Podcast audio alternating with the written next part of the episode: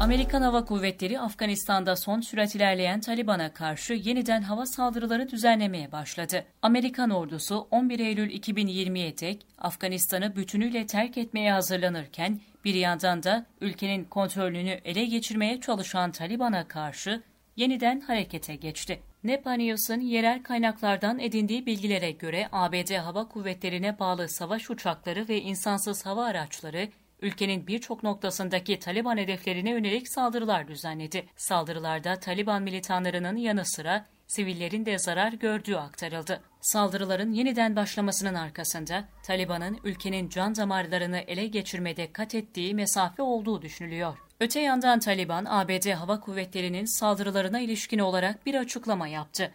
Taliban sözcüsü Zabiullah Mücahit tarafından sosyal medya üzerinden yapılan açıklamada ABD'li işgalcilerin bazı illerde düzenlediği bombardımanları en şiddetli biçimde kınıyoruz.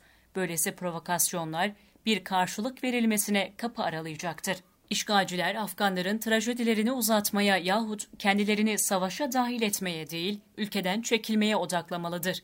Aksi takdirde olacaklardan kendileri sorumlu tutulacaktır ifadelerine yer verdi. ABD saldırılarına rağmen Taliban militanları Afganistan'da ilerlemeye devam ediyor.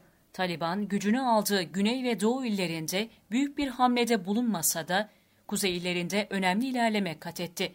Özellikle Faryab, Bel, Tahar, Baglan, Saripul, Samangan gibi iller Taliban'ın ciddi ilerleyişine sahne oldu. Taliban Mayıs ayından bu yana Kabil yönetiminin elinden 40'tan fazla ilçeyi aldı. Kabil hükümeti kaybettiği toprakları almak için çabalasa da çoğu zaman sonuç alamıyor.